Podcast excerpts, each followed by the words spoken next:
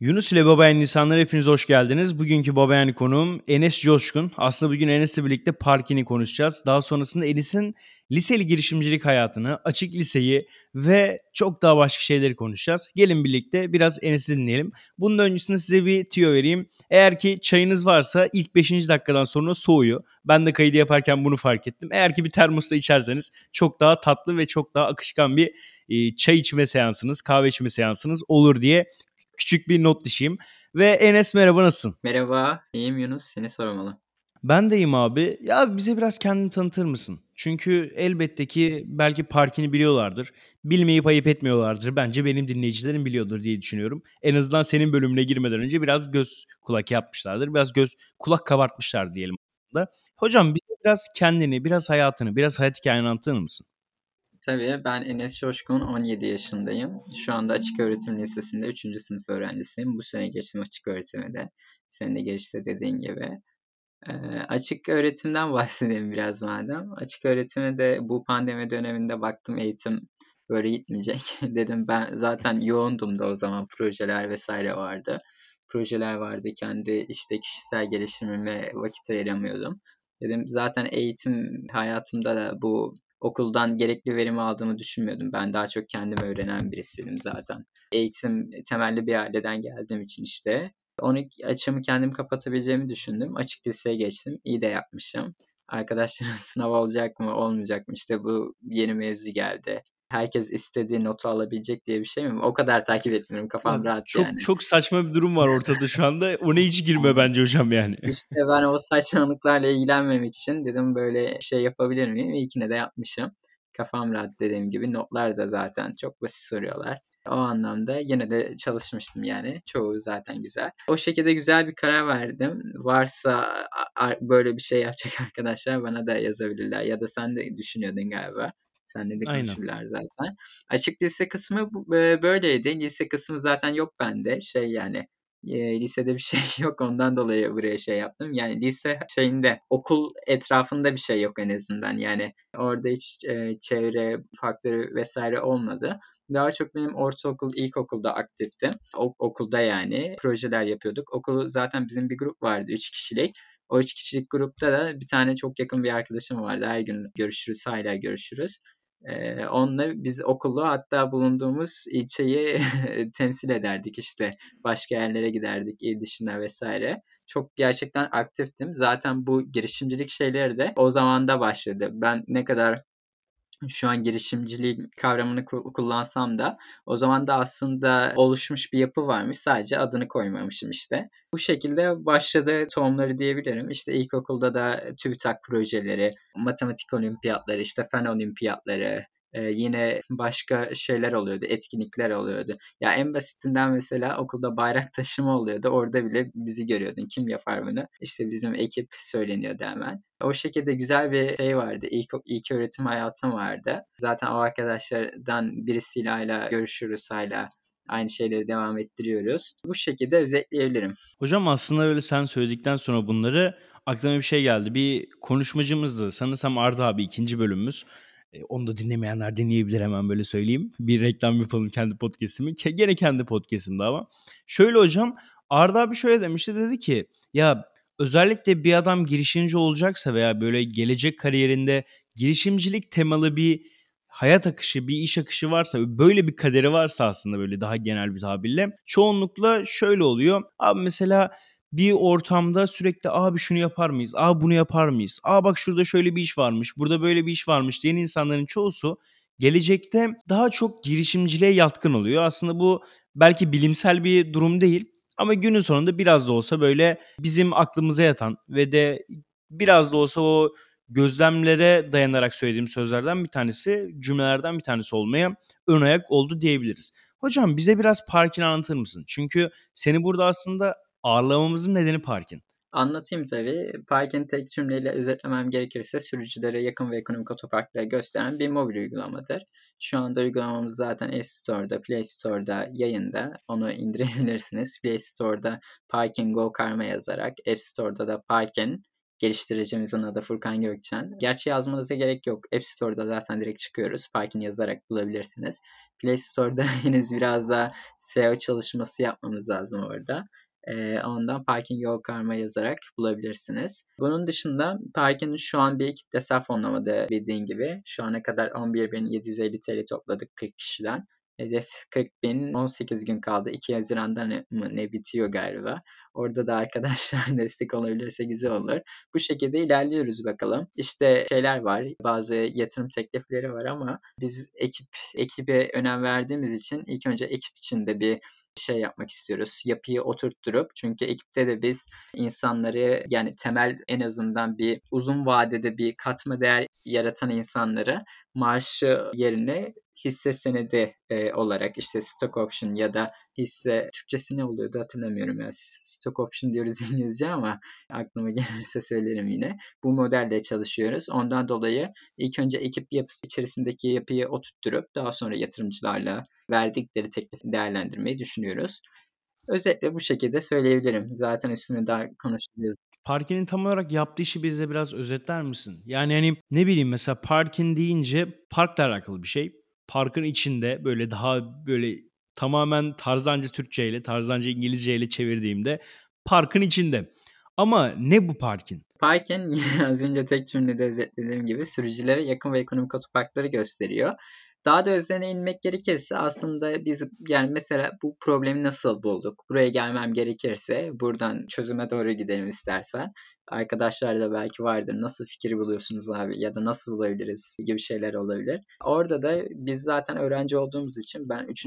3. sınıftan beri, öğretim 3'ten beri toplu taşıma kullanıyorum. Hala da öyle. Şu yasaklar var ama olmasa toplu taşıma kullanacaktım yani.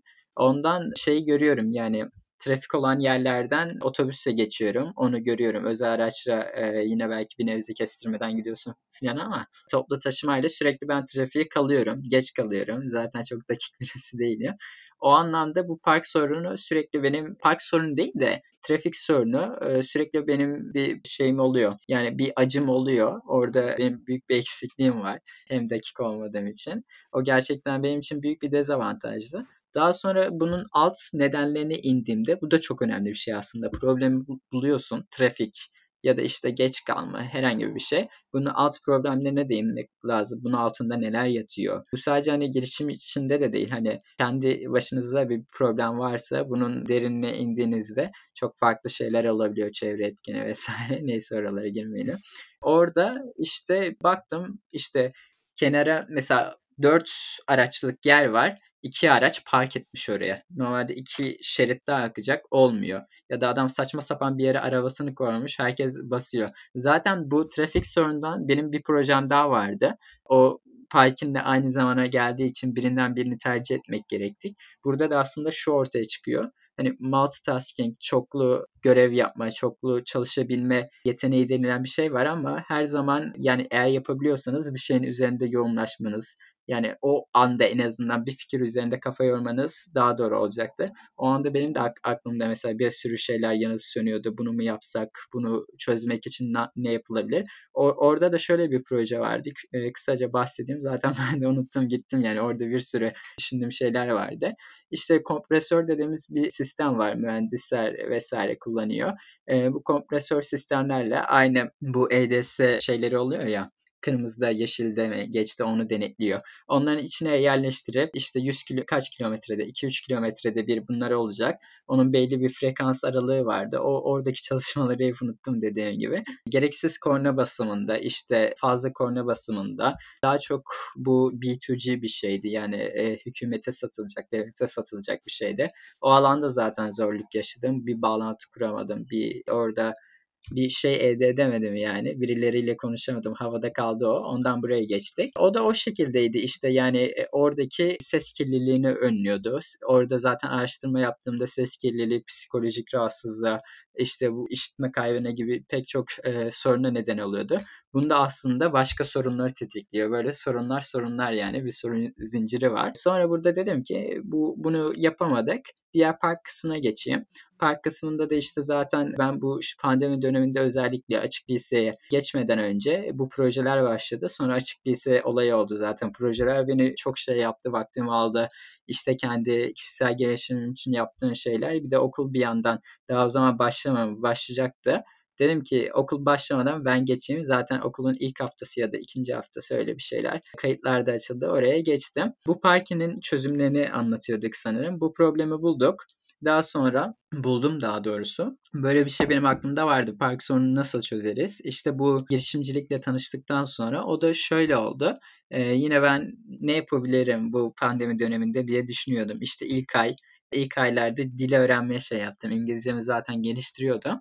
Dedim farklı neler yapabilirim. İşte Rusça, Almanca öyle bir girdim ama onlar şey olmadı. Devam etmedi. Sonra bir gün ben yakın bir tanıdığımın bir şeyi var. Gönüllü eğitim platformu Bambu diye. Orada bir eğitim vardı. Zaten gönüllü olduğu için veriyorum. Ticari bir şey olsa vermezdim. Orada bir girişimcilik şeyi vardı. Eğitimi vardı İşte bir hanımefendi şey vermişti, eğitim vermişti. Dedim ki e, girişimcilik eğitimiydi işte dinledikten sonra dedim ki ya bu benim aslında yani ya da bu benim hayatımda aslında olan bir şey. Ben bunun adını bilmiyormuşum. Şeyini, jargonunu bilmiyormuşum. Buradaki bazı sadece kalıplar varmış. Bu kalıpları ben bilmeden yapıyormuşum. Ekstra kaçırdığım bazı noktalar varmış. Aa, yani bu hatayı neden alıyorum dediğim şeyleri çözdüm orada yanlış yoldan gidiyormuşum mesela bazen. Daha sonra dedim ki ben bu, zaten bunu yapıyorum yıllardır. İşte bir şey üretiyorum, üretmeye çalışıyorum. O ilk, ilkokulda, ilk öğretimde, ortaokulda bahsettiğim projeler. Bunun zaten bir adı varmış. Tamam ben bunu araştırayım dedim. Zaten araştırırken orada bir sürü arkadaşlar da büyük ihtimal görecektir. Yazarsanız bir girişimcilik, işte girişimcilik yarışmaları, girişimcilik etkinlikleri, organizasyonları o kadar farklı paydaş, o kadar farklı şey var ki bunların hepsini böyle birkaç birkaç gecede şey yaptım, yükledim beynime. Sonra her yere başvuru da atıyorum o zaman. İşte her yerden sonra işte red e, onay, red onay o kadar atmışım ki ama hepsi zaten çakışıyor. İşte iki hafta falan en uzunu 2-3 hafta sürüyordu. O benim 2-3 hafta bu şeyi aldım. O bambundaki eğitime girdim girişimcilik eğitimine. Ardından işte araştırdım girişimciliği, kayıtları atıyorum. O 2-3 hafta sonra sonuçlar açıklandı, programlar başladı. Yine 2-3 haftada o kadar yoğun bir şey geçiriyorum ki oradan zaten ilk defa bunu eğitimini alıyorum girişimcilik eğitimlerine. Çok bilgiye açım böyle tabiri caizse. Programlar çakışıyor işte ona giriyorum. Oradan başkasından notları istiyorum. Böyle harıl harıl not tutuyorum. Gerçekten yani böyle yani sınav olacakmış gibi bakıyorum neler yapabilirim. Zaten orada kendimi yani çok avantajlı da gördüm. Çok hızlı adapte olduğumu gördüm sürece. İnsanlar mesela bir fikir buluyor. Bir, bir yıl boyunca hani bu benim gördüğüm şeyler böyle olmayabilir. Ee, ben çevremde sadece bunları görmüştüm. Ya da daha hızlı olan da vardır elbette benden ama ortalamaya göre benim çevremde oldukça işin içine hızlı adapte olabildiğimi gördüm. Yani internette öyle çok şey yapmadım nasıl yapılır, nereden başlamalıyım gibi direkt pat diye girdim işin içine. O çok güzel oldu dediğim gibi. İşte direkt fikirlerle başladım. Ama burada şeyi fark ettim işte. Bir şeyler yapıyoruz tamam yarışmaya girdik. Yarışmada bir fikir bulduk. Bu hackathonlar, ideathonlar falan oluyor. Tamam, buluyorsun şirketler sana sorun veriyor ya da sorun verilmiyor. Sen sorun buluyorsun. Ama bitiyor yani 3 gün sonra, 4 gün sonra, 5 gün sonra neyse artık e, o kafandan çıkıyor. Paranı, para ödülü varsa paranı alıyorsun, almıyorsun işte. Oradaki mevzular dönüyor. Sonra bitti. Hani girişimciliğin bunu bu olmadığını aslında biliyordum. Ben fikir buldun, yaptım bitti değil. Bunun bir en önemlisi insanlığa bir değer üretmesi lazım. Bir katma değer olması lazım. Ülkene bir değer getirmesi lazım. Onun haricinde sana bir katma değer sağlaması lazım. Burada yani kısa vadeliydi her şey. Girişimciliğin çok uzun vadeli bir şey olduğunu en azından kestirebiliyordum. Dedim ki ben burada uzun bir şeyler daha yapmalıyım. Yani gerçekten uzun soluklu hayatım sonu boyunca girişimcilik zaten diyordum. Hani benim mesleğim girişimcilik olacak herhalde. Ondan böyle o gün burada, bugün burada kir bulmak, şey yapmak değil de harbiden ben bir problemi çözeyim dedim. Zaten o zamanlar ben şeyde de okula giderken gelirken de bu park problemini görüyordum. İşte bir arkadaşım daha vardı. Daha doğrusu arkadaş değildik o zamanlar. Bir arkadaş daha vardı bu katıldığım yerde. Birkaç kere zaten biz karşılaşmıştık. Onda böyle tesadüfen mi, tevafuken mi böyle bir şey varmış, problemi görmüş. Hatta arkadaş çözümü bile bulmuş. Yani çözümü bulmuş dediğim kabaca ne yapabiliriz? İşte otopark sorunu. Hatta o otopark sorunu adını koymuş mesela. Ben otopark sorunu olduğunu bilmiyordum bunun. E, ya da otoparkla ilgili bir şey olduğunu bilmiyordum. Trafik diyordum. Trafiğin içinde farklı farklı problemler var. Tamam park problemi de var. Park problemi için ne yapabilirim hiç düşünmemiştim mesela. Diğer ses kirliliği, diğer şeyler için falan düşünmüştüm ama o mesela oraya daha inmiş ve bunu biraz düşündüm de ben. Mesela o az önce anlattığım sistem mesela direkt hükümetle yani hükümet diyorum government olduğu için e, şeyle ne denir belediyelerle falan konuşmak lazım. Hani devlete yapılan bir proje olduğu için o, onun olabilirliği hani benim açımdan en azından daha şeydi, azdı. Ama B2B işletmelere ya da son kullanıcıya yapılan şey bir uygulama ya da bir şey hizmet, bir ürün daha şey olacaktır benim için, etkili olacaktır. Onu gördüm ben. Sonra işte kafa kafaya verdik ne yapabiliriz? Yine başladık e, programlara şey atmaya, başvuru atmaya. Yine oradan onay geldi, onay gelmedi vesaire. O ilk başta da çok üzülüyorduk yani. Redler geliyordu işte maalesef sizi alamadık bir daha deneyin. Ah vah ediyorduk. Sonradan bayağı alıştık. Yani bunları da yapın bence yani reddedilmeyi en önemli şeylerden birisi reddedilmeyi, işte yenildiğinizde şey yapmayı, başaramadığınızda, kötü aldığınızda, bir şey bir şeyler olduğunda, hani hedeflediğiniz bir şey olmadığında onu hazmedebilmek çok önemli. Çünkü o, bunu kabul etmezseniz yürümüyor bu iş. Çok fazla yani başarısızlıkla şeyle dolu bir şey. Başarıdan daha çok. Zaten başarı da şu oluyor. En son başarısızlığından sonra senin son başarısızlığından sonra bir başarı daha elde etmene başarı diyoruz. Ondan başarısızlığı şey yapmazsanız, kabullenmezsiniz. Yani bu işin içinde başarısızlık olabileceğini siz kafanıza yerleştirmez, yerleştirmezseniz hem psikolojik olarak kendiniz çok zarar görürsünüz. Ki oldu da yani her girişimci de olmuştur. Hem de çevreyi çok yıpratırsınız. Bunları yaşadık tabii. Böyle anlatıyorum. Anlatması kolay ama yaş yaşamak çok daha farklı tarif edilmiyor. Böyle işte biz alıştık biraz. Orada çok fazla red geldi vesaire. Yine biz işte bazı kuluçka programlarında devam ettik. Kuluçka programı belki aranızda bilmeyenler vardır. Onlara da onu da bir kısa değineyim. Kuluçka ve hızlandırma dediğimiz iki tane şey var. Ayrı program var. Hızlandırmalar genelde ücretli olabiliyor ya da ücretli olmayabiliyor. Kuluçkalar ama tamamen ücretsiz diyebilirim. Çok büyük bir çoğunluğu benim gördüğüm kadarıyla ücretsiz oluyor. İşleyişleri aynı sayılır. Yani periyotları falan farklı. Birisi daha uzun süreli, biri daha kısa süreli. Temel amaç burada fikri olan girişimci insanları ya da girişime adım atmak isteyen insanları kuluçkaların da tipleri var. İşte post kuluçka, ön kuluçka, kamp gibi şeyler vesaire var. Onlara bakarsınız zaten. Ben genel hatlarıyla anlatmam gerekirse fikri olan insanları bir araya toplayıp bu fikri nasıl geliştirebiliriz? İşte başlarında profesyoneller var, tabii iş adamları var. İşte farklı farklı her daldan birileri var, yazılımcılar var.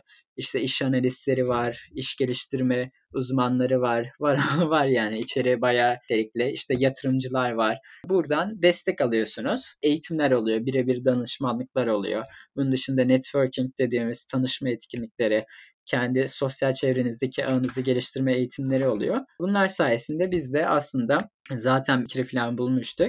Bunlarla geliştirdik. Böyle özetleyebilirim süreci. Nasıl geldiğimizi yani buraya özetledim. Ne yaptığımızı özetlemem gerekirse de dediğim gibi bir mobil uygulama. Bizim buradaki amacımız yani sadece park şey değil yani sadece otoparkları göstermek değil. Aslında bir insan arabasını park ederken yaşayabileceği her şeyi, bütün aksiyonları bizim uygulamanın üzerinden almasını sağlamak istiyoruz.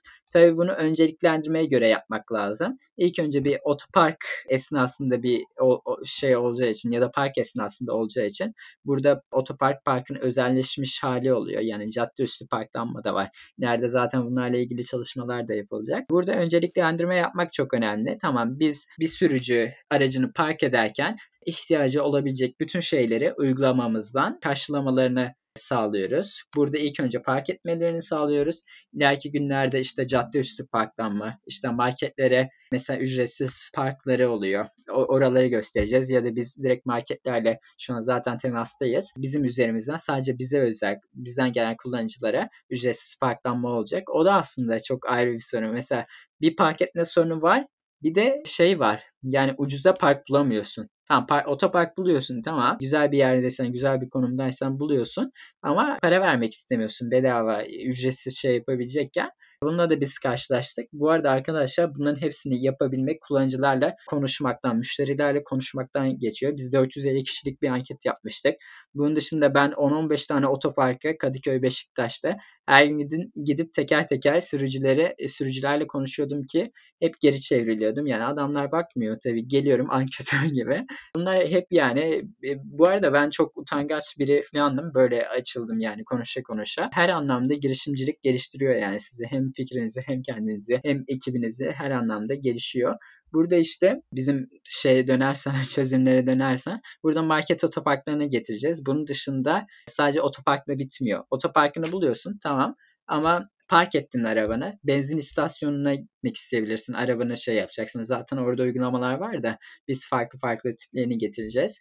Ya da mesela arabanı yıkattırmak isteyebilirsin. Otokuaförler ya da arabanda bir parça bozulmuş olabilir. İşte yedi parçacılar gibi böyle farklı farklı hizmetleri de ilerleyen zamanlarda aktif etmeyi düşünüyoruz. Ama dediğim gibi şu an önemli olan önceliklendirme. Önceliklendirmeye göre bunlar ilerleyecek. Hocam şimdi şöyle bahsettiğin gibi çok geniş bir sektör var aslında. Çok da uzun uzun bence o hani otopark sorunları, trafik sorunları dediğin gibi trafik sorununun altındaki o hem hükümetle hem de müşterilerle direkt olarak konuşman gereken sorunlar aslında biraz da olsa değindik. Peki hocam şimdi şöyle Parkin'in güzel başlangıcı var. Güzel bir hikayesi var. Şu anda bence hani özellikle böyle son zamanlarda ben biraz LinkedIn'e çok takılmaya başladım. Hani Instagram veya işte YouTube buralardan kopup tamamen LinkedIn'e takılmaya başladım ve bu beni de biraz rahatsız ediyor.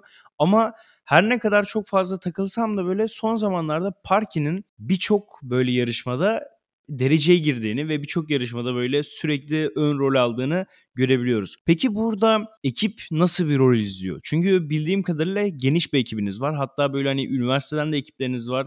Kurucular liseli, ekipteki yazılımcılar vesaire üniversiteli ve bunun koordinesi aslında biraz da olsa ekibim gönül işi diyebileceğimiz bir noktaya erişmesi gerekiyor. Çünkü ya normalde sen liseli bir öğrenci olarak daha 18 yaşında daha reşit olmayan biri olarak bir üniversiteye gittiğinde çok çok fazla adam diyor ki ya sen kimsin kardeşim? Hani bu tarz sorulara yol açıyor diyebiliriz. Peki sizin buradaki ekip toplama noktasında veya ekibi ekibe bu motivasyonu verme noktasında nasıl bir e, mottonuz vardı? Nasıl bir yol izlediniz? Orada zaten fikir sağlam olduktan sonra aslında bizim bir şey yapmamıza gerek kalmıyor ya da çalıştıktan sonra insanlar geliyor, görüyor. Orada bir hareketlilik olduğunu görüyor. Örneğin bu yarışmalarda ön plana çıkınca direkt zaten oradaki insanlar da zaten bunun için gelmiş oluyor. İşte bir izleyiciler oluyor, bir yarışmacılar oluyor. İşte izleyiciler zaten direkt bize ulaşıyor. Beğendik fikrinizi konuşalım işte ya da direkt ben de böyle böyle bir şeyler yapabiliyorum. Ben de yer alayım. Öncelikle öyle ekibe üye alımı yaptığımız kişiler var. Onun dışında direkt spesifik bir ihtiyaç e, doğduğunda yani bir mobil uygulamayız. İşte bazı teknolojiler kullanıyoruz. Bunun için LinkedIn'den iş ilanı açıyoruz. E işte o, o süreçler vesaire geçiyor. Senin sorduğun soru daha çok şeydi. O sinerjiyi nasıl yakalıyorsunuz? O motivasyonu nasıl e, aşılıyorsun ekiptekilere?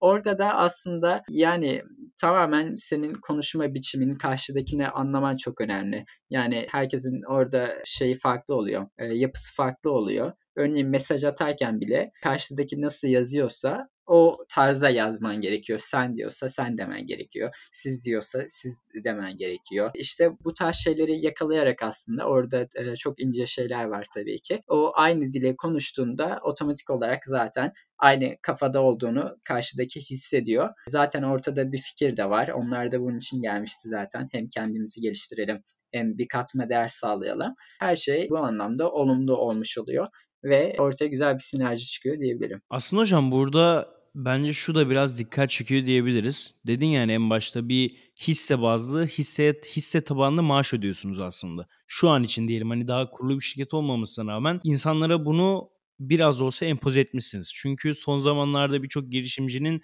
en çok ihtiyaç duyduğu şeylerden bir tanesi. Abi şimdi ben girişimimi kurdum. Şimdi birçok kişi için konuşuyoruz. Belki belli başlı insanlar hani belli başlı insanları tenzih edebiliriz bu noktada. Hani bazı girişimciler elinde belli bir bütçeyle başlıyorlar veya direkt tohum öncesi yatırımla, pre başlıyorlar. Bundan dolayı onları tenzih ediyorum. Ama şu anda bizim yaşımızdaki veya üniversitedeki birçok girişimci bir yatırımla başlamayan ve elinde öz sermayesi olmayan girişimcilerden bahsediyoruz. Burada insanların en büyük yakındığı şeylerden bir tanesi ya abi ben ekibe yazılımcı alacağım. Ya abi ben ekibe tasarımcı alacağım ama benim elimde para yok. Güzel bir iş çıksın istiyorum ortaya.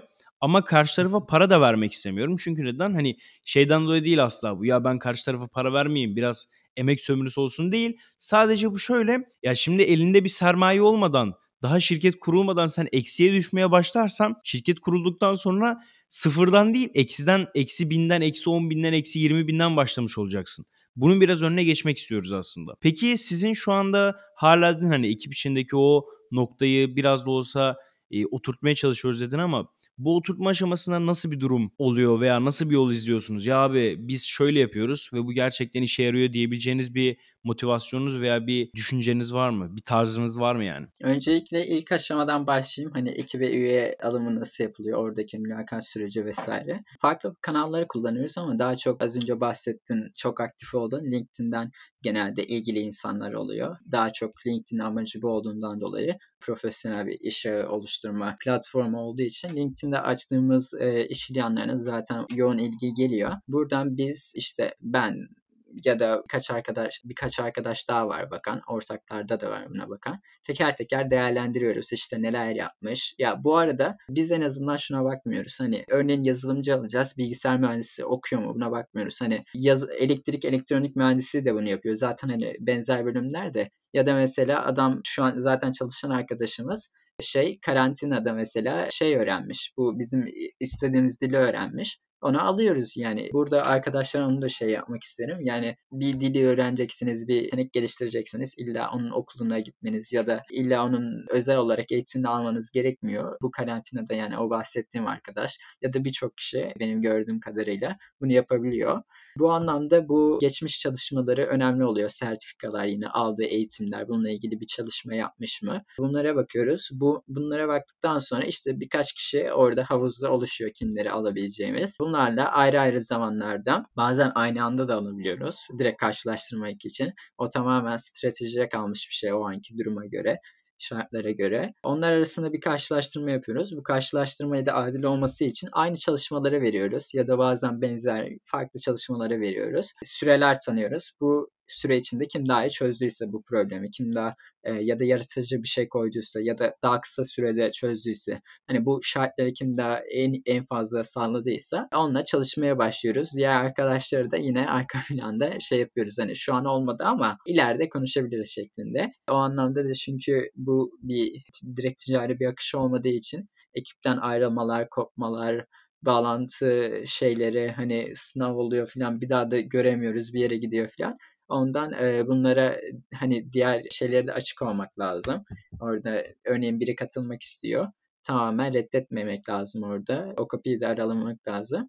Bu şekilde geçiyor aslında. Ekibe geldiğinde de bizim zaten tanışma toplantıları oluyor. Tanışma toplantılarında o aslında direkt kaynaşmasını sağlıyoruz. Ekiptekilerin birbirlerini tanımasını sağlıyoruz. Bazen çok nadir ortak çalışmalar veriyoruz. Ortak çalışmalarda işte takım çalışması nasıl olur o, onu öğreniyorlar. Tam olarak ekibin içerisindeki yapı nasıl bunu öğreniyorlar. Bunun dışında bazen eğitimler oluyor. Eğitimlerle aslında onlara Python içinde daha çok özel bir yere sahip olduklarını gösteriyoruz. Örneğin bir tasarımcı mesela bizim grafik tasarımcımız Photoshop, Illustrator ile çalışıyor ama video tasarımı da yapmak istiyor. Video editlemek istiyor. Premiere ya da mesela foto, e, şey After Effects öğrenmek istiyor. After Effects Premiere konusunda mesela uzman birisiniz. Zaten bu Kutuçka merkezinde ya da hani kendi e, benim network'ümde bunu bilen profesyonel direkt tanıdıklarım var. Onlara yazıyoruz. Böyle birkaç seansta işin özetlerini, şeylerini ya da başka bir şey de olabilir. Yani çok alakasız mesela hani projeyle alakasız örneğin şeyler tercih dönemindeler. Mesela bir arkadaşımız öyle. Ona mesela e, tercih dönemiyle ilgili bir şey eğitim veya hani genel kapsamlı projeden bağımsız direkt onlara katma değer sağlayabilecek ve kendilerini e, parkin içerisinde özel hissettirebilecek şeyler yapmaya çalışıyoruz. Özetle böyle geçiyor. Aslında hocam şimdi çok fazla business konuştuk diyebiliriz. Çünkü yaklaşık bir yarım saat oldu. Biz bu işe başlayalı, bu konuşmaya başlayalı. Ve bu burada aslında bu ilk yarım saatlik bizim normalde böyle bölümlerimizde özellikle babayan insanlarda, Yunus ile babayan insanlarda mottomuz olan ilk bölümü aslında biraz da olsa aşmış bulunuyoruz. Şöyle ki abi hayatımızın birçok yeri iş. Elbette ki çok detaylı bir şekilde işte işimize ön ayak olarak çok fazla çalışmamız gerekiyor. Ben de hala ofisteyim. Hani çok büyük ihtimal bugün gece 10-11 gibi. Bugün bir pazar günü. Ve de hani ya normal şartlarda birçok kişi diyor ki abi yani pazar günü de çalışılır mı? Sen işverensin, iş sahibisin falan da asıl buradaki şey sıkıntı kurucular ve kurucu ortaklar özellikle yönetim katında çalışanlar biraz daha işe sahip çıkması gerekiyor ki Altta yönetimden sonra işte mavi yaka, beyaz yaka diye geçen birçok iş sektöründeki ve de birçok işverenin eleman diye adlandırdığı çalışanlar bu işe biraz daha ön ayak olabilsin, bu işe biraz daha gönül verebilsin. Peki hocam, şimdi bu kademeleri biraz geçtikten sonra sana biraz da senin üzerinde sorular sormak istiyorum. Çünkü hayatında ne yaparsan yap, senin bir kendi özbenliğin var bu ve bu özbenliğine göre hareket ediyorsun aslında. Peki hocam, şimdi bir Enes Coşkun var. Parke'nin kurucusu. Daha sonrasında işte kendi hayatında ortaokul yıllarından, lise yıllarından beri belli başlı işler yapıyor. Peki hocam, senin bildiğim kadarıyla bir de güzel bir şekilde Park'in öncesinde en azından şu anda biraz yoğunluğundan dolayı belki okuyamıyor olabilirsin ama biraz felsefeyle ilgilenen bir yapım var diye biliyorum. Biraz da böyle kitap okuyan, çok fazla okuyan bir insansın. Peki hocam şöyle, şunu sormak istiyorum sana. Hani senin kendi özbenliğinle veya sen kendi özbenliğini fark edebildin mi? Sence? Bu girişimcilik öncesinden cevap vermem gerekirse buna tanıştığımda zaten tamamen bu olduğunu fark ettim. Hani o adını koyamadığım şeyin o olduğunu gördüm. Ama daha öncesinden cevap vermem gerekirse e, bence tabii ki keşif aşaması sürüyor ama temel yapı taşlarını kavrayabildim diyebilirim. Yani insanları yardım etmeyi sevmek, üretken olmak gibi şeylerin e, daima ne olursa olsun bütün şartlarda benle birlikte olabileceğini gördüm. Ama tabii ki sürekli bir keşif, sürekli bir gelişim, sürekli ya da bir değişim olduğu için bunlar değişiyor ama o önce dediğim maddeler sürekli aynı kalıyor diyebilirim. Bir önceki maddeler ve bir sonraki maddeler elbette ki değişken şeyler. Çünkü hayatımız her zaman değişiyor ve hayatımız bu değişime adapte olmayla geçiyor aslında. Bütün ömrümüz, yani yaşamdan, doğumdan pardon, doğumdan ölüme kadar olan bütün sürecimiz belli bir değişim çerçevesinde. Peki sen bu değişim abi yani hani ya yeter artık babacım beni bir salın ben artık değişmek istemiyorum diye mi karşılık vermeyi seviyorsun? Yoksa ya abi güzel ve benim her gün değişmem gerekiyor diyor musun? Yani o tamamen konuya bağlı aslında. Meraklı bir yapım olduğu için merak ettiğim bir konuysa tabii içine girmeyi, daha farklı neler yapabileceğimi düşünmeyi severim ama tabii benim de tamamen bağımsız olduğum konular olabiliyor. O anlamda bir değişime ihtiyaç olmaya gerek kalmıyor bazen. Tamamen buradaki ilgi ve meraka göre değişeceğini düşünüyorum bunun. Ve o ilgi merak çerçevesinde de her geçen gün farklı bir adımda olacağımı söyleyebilirim. Şimdi hocam hayatımızı ortalama çevremizdeki 5 kişinin ortalaması izleyebiliriz. Bu birçok konuda birçok böyle girişimcilik sözlüğünde ve en son zamanlarda benim de dinlediğim podcastlerden bir tanesinin konularından ve başlıklarından bir tanesi. 5 kişi podcast onu da dinleyebilirsiniz. Şimdi şöyle hocam hayatında çevrende bir 5 kişi hayal etmeni istiyorum ve bu 5 kişiye bir isim vermeni bir alt koymanı istiyorum. Yani bu şu olabilir işte birisi özveri, birisi çalışkanlık, birisi iş. Şimdi senin hayatında elbette ki çevrendeki insanları bu tarz sınıflara koyabileceğini düşünüyorum. En azından böyle sana kısa bir süre vererek burada bunu açıklamanı istiyorum. Peki hayatındaki 5 kişi yani senin yapı taşlarını oluşturan, senin 5 tane yapı taşın bir 5 kişi olarak düşünürsek bu kırmızı şapka, siyah şapka gibi düşünelim bunu. Nasıl bir çevren var? Nasıl bir iş akışın var? Nasıl bir hayat tarzın var? 5 ana temele dayanarak. Ya ilk önce buradaki etik o ahlak yani felsefedeki etik bizim günlük hayattaki ahlak kavramı girer bence. Hani çevrendeki kişilere saygılı olma, burada işte topluma yararlı birisi olma ilk önce gelir. Hani zarar değil orada bir artı sağlama. Bunun dışında sorumluluklarım gelir. Hani kendi ailemde, okulumda ve çevreme olan sorumluluklarım. Bunları yerine getirmek. O felsefede de ödeve ahlak dediğimiz kavram aslında. Bunun dışında herhalde bu girişimcilik kavramı yer alır. Bu son zamanlarda yaptığım projeler bunun etrafında şekillenir. Yani 3 oldu şu an. Tamamlayalım mı 5'i? Şöyle hocam aslında sen biraz da olsa böyle kendine 3 yapı taşa oturtmuşsun diyebiliriz. Hani bunların belki 5 4 ve 5.'si değişkenlikler arz edebiliyor. Yani sürekli değişen şeyler diyebiliriz bunlara.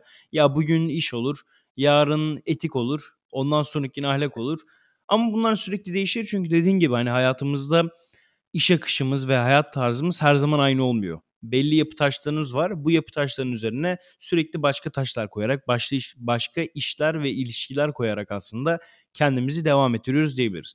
Aslında böyle yavaş yavaş da sona gelirken, böyle son demlerimizi yaşıyorken bu podcast mecrasında bu bölümümüzün en azından hayatımız elbette ki uzun, daha genciz en azından genç hissediyoruz kendimizi diyebilirim. Hocam şimdi şöyle güzel bir parkin hayatım var, güzel bir iş akışım var. Peki sen hayatındaki bütün her şeyi çıkarttığında, hayatından işi, çalışmayı, parkini çıkarttığında geriye kalan neyin var? Yani şöyle mesela buradan bir şey de vereyim, bir ön bilgilendirme de yapayım. Podagens olarak özellikle babayan insanların da bünyesinde bulun, bulunan Podagens olarak yeni bir iş akışına başlıyoruz. Sen kimsin ve hiç kimse diye. iki tane yeni podcast orijinal serimiz olacak. Bunları da atıfta bulunarak yani hocam şimdi hayatımızda sürekli sen kimsin olimpiyatları düzenleniyor. Yani bugün herhangi biriyle konuşmaya başladığında veya bu podcast'te veya yarın işte bir partnerlik bir iş anlaşmasına gittiğinde diyeceksin ki yani abi sen kimsin? Ya adam diyecek kardeşim ben işte burada şu ofisteyim ben şu şu işi yaptım. Peki sen kimsin? Sen oradan Enes Coşkun olarak diyeceksin ki abi ben de parkini yaptım şunu yaptım. Daha sonrasında tekrar karşı tarafa soracaksın sen kimsin diye. Böyle bir olimpiyat var. Peki ben sana sen kimsin dediğimde bir cümleyle kendini anlatır mısın? O ilk dediğin şeye göre özetlemem gerekirse o temel olarak ne olduğum hani bütün bunların haricinde o iş, çevre, bütün etkenlerin dışında ne olduğumu söylemem gerekirse hani içinde zaten meraklı bir yapı olduğu için ve yardımseverlik büyük yine aynı şey gelecektir. Yani Enes Coşkun insanlara yardım etmeyi seven, azimli, meraklı bir gençtir diye söyleyebilirim. Bunun çevresinde de zaten bu direkt akla girişimcilik geliyor ya da başka şeyler olabilir. Bunlar şekillenecektir. Hocam şimdi şöyle hayatımız dediğimiz gibi çok değişken. Bugün bu podcast'i dinleyen bütün dinleyicilerimize en başta bir teşekkür ederim.